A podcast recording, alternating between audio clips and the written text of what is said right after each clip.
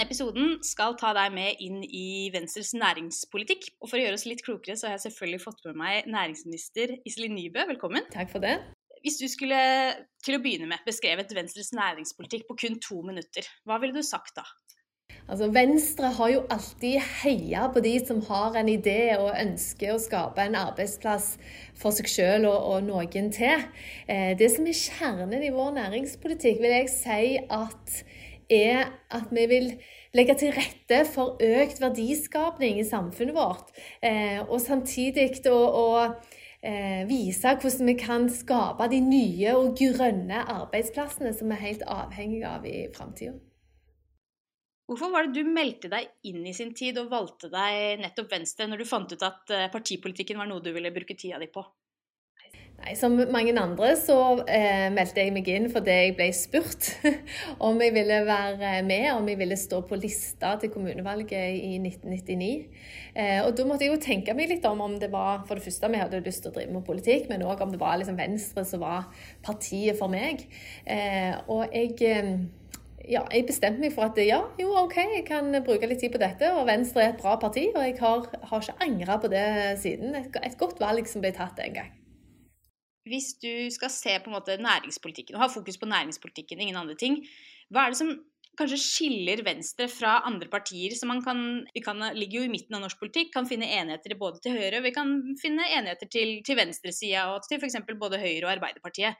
Men, men, hva er forskjellene her? Vi har jo eh, over lang tid vært veldig opptatt av, av gründerne og av de små eh, bedriftene. Eh, og har på mange måter heia litt ekstra på dem og lagt veldig godt til rette eh, for at de skal kunne både starte opp, men òg utvikle seg.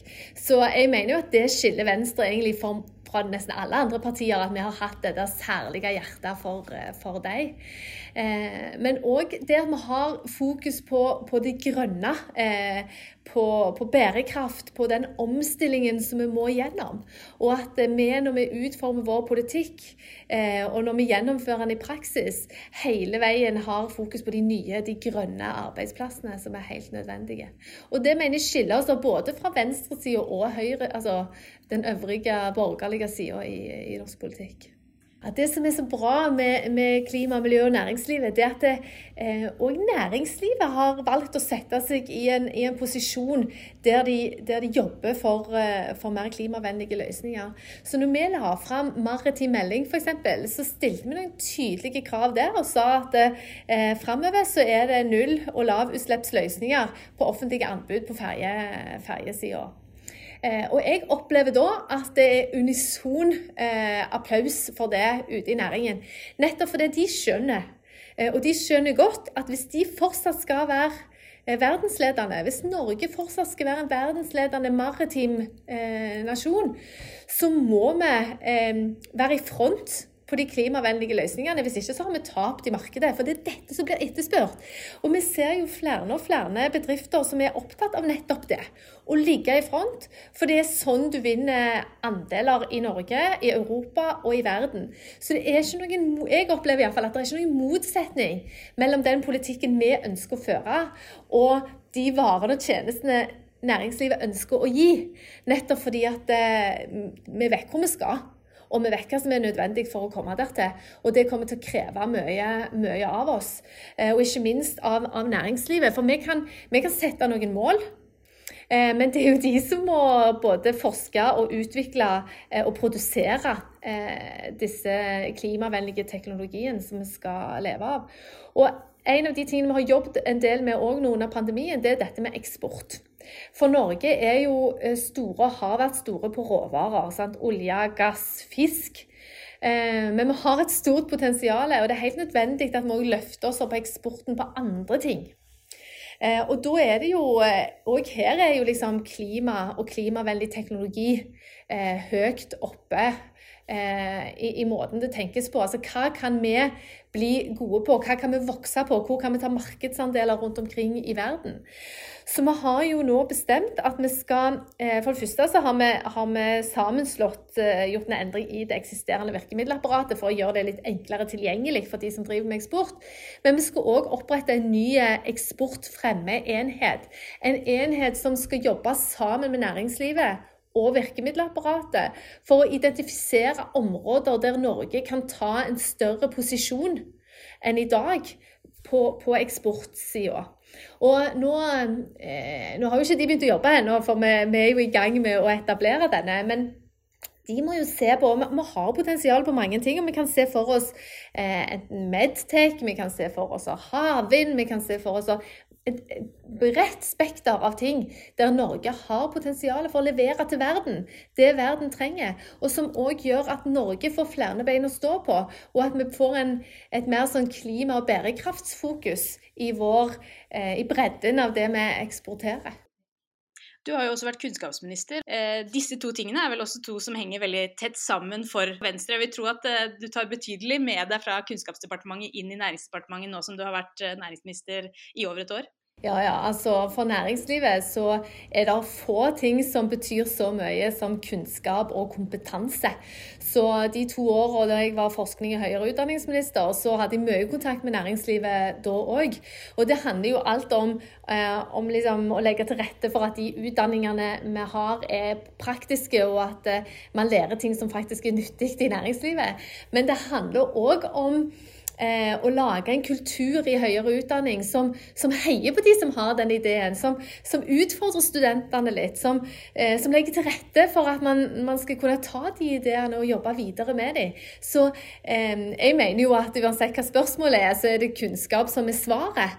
Eh, og derfor så henger de to tingene, kunnskap, kompetanse og næringsliv og jobbskaping, det henger, det henger veldig tett sammen.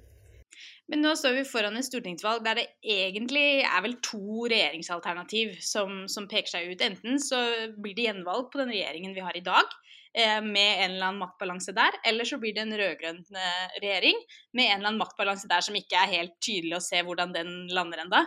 Men, men hva tror du blir den viktigste forskjellen mellom disse to regjeringsalternativene de neste fire åra på, på næringspolitiske, eh, hvis vi får en rød-grønn regjering, eller hvis vi får en fortsatt blå-grønn regjering? Um, hvis jeg kan si litt flere ting enn bare én ting, så vil jeg si at uh, EØS-avtalen og usikkerhet knytta til EØS-avtalen er noe av de viktigste skillelinjene. Der en borgerlig regjering som, som, er i dag, der Venstre er en del av det, har stått, uh, vi har stått helt fast på at EØS-avtalen er helt avgjørende for norsk næringsliv. Så ser vi på venstresida at flere partier og til dels har vi store partiene, sant? og at balansen der forrykker seg når Senterpartiet blir så store. Men der er det flere partier som ønsker å melde Norge ut av EØS, og det vil være en katastrofe for næringslivet vårt. Vi har arbeidsplasser i hele landet som er helt avhengige av å kunne eksportere varer og tjenester til EØS-land. Det er EØS som er vårt hjemmemarked. Eh, å skulle melde oss ut av EØS vil være, eh, vil være dramatisk for norsk næringsliv. Så det vil jeg si er den viktigste, eh, den viktigste forskjellen. Altså vi, vi, vi, står, vi står støtt på EØS-avtalen, mens, mens venstresida der er det nå usikkerhet eh, med tanke på at både Senterpartiet og SV ønsker andre løsninger enn EØS-avtalen. Så det mener jeg virkelig er en stor og viktig sak. Eh, men så er det klart det er òg ganske andre ganske store forskjeller på oss. Det der med eh, statlig eierskap er, en dreining som vi ser på venstresida, der særlig Arbeiderpartiet har gått i retning av å ønske seg mer statlig eierskap. SV har på en måte alltid ønsket det. Men, men det er en, en politikk som har vært ført eh, tidligere, og som man ikke har hatt så stor suksess med. Men la meg først bare understreke at vi har et stort statlig eierskap i Norge i dag som, som det er bred politisk enighet om. Eh, det er få, om noen, eh, vestlige land som har så stort statlig eierskap som det vi har, eh, har i Norge. Altså, vi eier jo verdi, altså en tredjedel av verdiene på Oslo Børs. Så så det er klart vi har eh, vi, vi, står felles i det. Men, men, når vi skal satse på nye næringer, nye bransjer, så er svaret til venstresida og Arbeiderpartiet at vi må inn med et statlig selskap. Statlig, altså statlig egenkapital. Eh, mens, mens, Venstre har jo mer heia på andre virkemidler. Sant? Vi har vært opptatt av å bruke penger på forskning og utvikling, på ulike typer støtteordninger. For jeg mener f.eks. ikke eh, Si havvind, eller si eh, hydrogen, eller ja, vi kan ta batterier. Altså, det er masse bra private initiativer som skjer nå. Eh, det er kapital som er villig til å gå inn i disse framtidsrettede prosjektene. Så hvorfor skal staten gå inn i et selskap som skal konkurrere ut disse private initiativene som nå er, i gang? Det, det, kan jeg ikke eh, forstå. Så her òg mener jeg det er et ganske stort, uh, stort skille. Og så vet vi jo at et privat næringsliv uh, forholder seg jo til liksom, et marked og, og, og liksom de, de, den dynamikken som er der. Men det er klart hvis du har en statlig eier i ryggen, så har du heller ikke det incitamentet til å strekke deg på samme måten som når du må levere til private eiere. Så jeg mener ikke det nødvendigvis er bra for, for næringslivet at staten skal skal gå inn på, på eiersida i for mange bedrifter. Mye av din, eh, din, periode som næringsminister har blitt veldig prega av koronahåndtering. Når vi nå er på vei, forhåpentligvis, bank i bordet av denne krisen, eh, å balansere det å drive med krisehåndtering opp med å kunne drive mer med offensiv næringspolitikk. For mye har jo nå nettopp gått på å bruke midler for å, for å drive en håndtering over tid. Vi har gjort begge deler hele veien, men det er klart oppmerksomheten har jo blitt veldig retta mot selve den kompenserende delen av krisepakkene. Og det er jo helt naturlig når når bedrifter må liksom stenge ned eller redusere aktiviteten sin som følge av enten pandemien eller smitteverntiltakene, så, så, er ikke det så unaturlig. Men vi har òg gjennom denne pandemien eh, klart å ha fokus på, eh, eller iallfall klart å prioritere midler til de ordinære ordningene som vi har f.eks. i Innovasjon Norge. Eh, vi har òg lagt til rette for at flere skal kunne bli gründere, eh, flere skal kunne utvikle bedriften sin. Så vi har jo økt de ordinære tildelingene òg eh, i Innovasjon Norge. Norge, i tillegg til disse særlige ordningene som vi har fått på plass. Men jeg vil også trekke fram en spesiell ordning som vi har fått til, som jeg har veldig god tro på, og som jeg tror kan bli en og etter pandemien kan bli en viktig plattform. og Det er det vi har kalt for grønn plattform. Så har vi sagt 1 milliard kroner over tre år til de grønne eh, prosjektene som ikke hører til bare én plass. Vi må kunne se ting litt i bredden av virkemiddelapparatet vårt. Så Derfor så har både Forskningsrådet, Innovasjon Norge og Siva gått sammen om én plattform som vi kaller for Grønn plattform. Og Den har fått veldig god mottakelse der ute. Eh, og den, eh, den, Nå er det utlyst penger penger. Så vi håper jo at vi får mange gode søknader, og at dette kan være med å ta grønne prosjekter eh, opp og fram. Eh, og tanken på dette har jo vært at vi må, selv om vi står i en pandemi, så er klima utfordring, vår tids største utfordring. Og den blir ikke vekke, for der vi er i pandemien. Så vi må òg klare å bruke denne krisen til å løfte fram de viktige grønne prosjektene som vi skal leve av framover. Og det, det mener jeg at vi har eh, klart å jobbe parallelt med. Når vi snakker sammen her nå, så er jo Venstres landsmøte altså akkurat gjennomført. Og eh, partiet har blitt enige om et program for de neste fire årene. Hvis Venstre kommer i posisjon etter valget i 2021, hva er det Venstre vil prioritere de neste fire årene da? Ja, Venstre er jo fortsatt gjenkjennelige på, på, næringspolitikken, vil jeg si. Eh, vi er fortsatt opptatt av å, å, heie fram de nye, gode ideene. Legge til rette for at folk kan starte for seg selv. Legge til rette for at eh, bedrifter kan, kan vokse.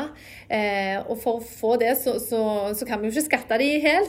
Det er jo fortsatt en, en, viktig del av vår politikk.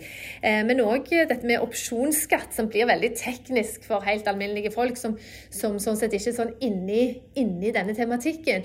Men det er òg et sånn viktig tiltak for at eh, gründerbedrifter skal kunne vokse, eh, selv om de ikke har så mye kapital tilgjengelig eller muligheter til å betale høy lønn for å tiltrekke seg gode folk. Så jeg mener vi har en, eh, en politikk som er gjenkjennelig etter landsmøtet, men som òg er bra for, eh, for næringslivet.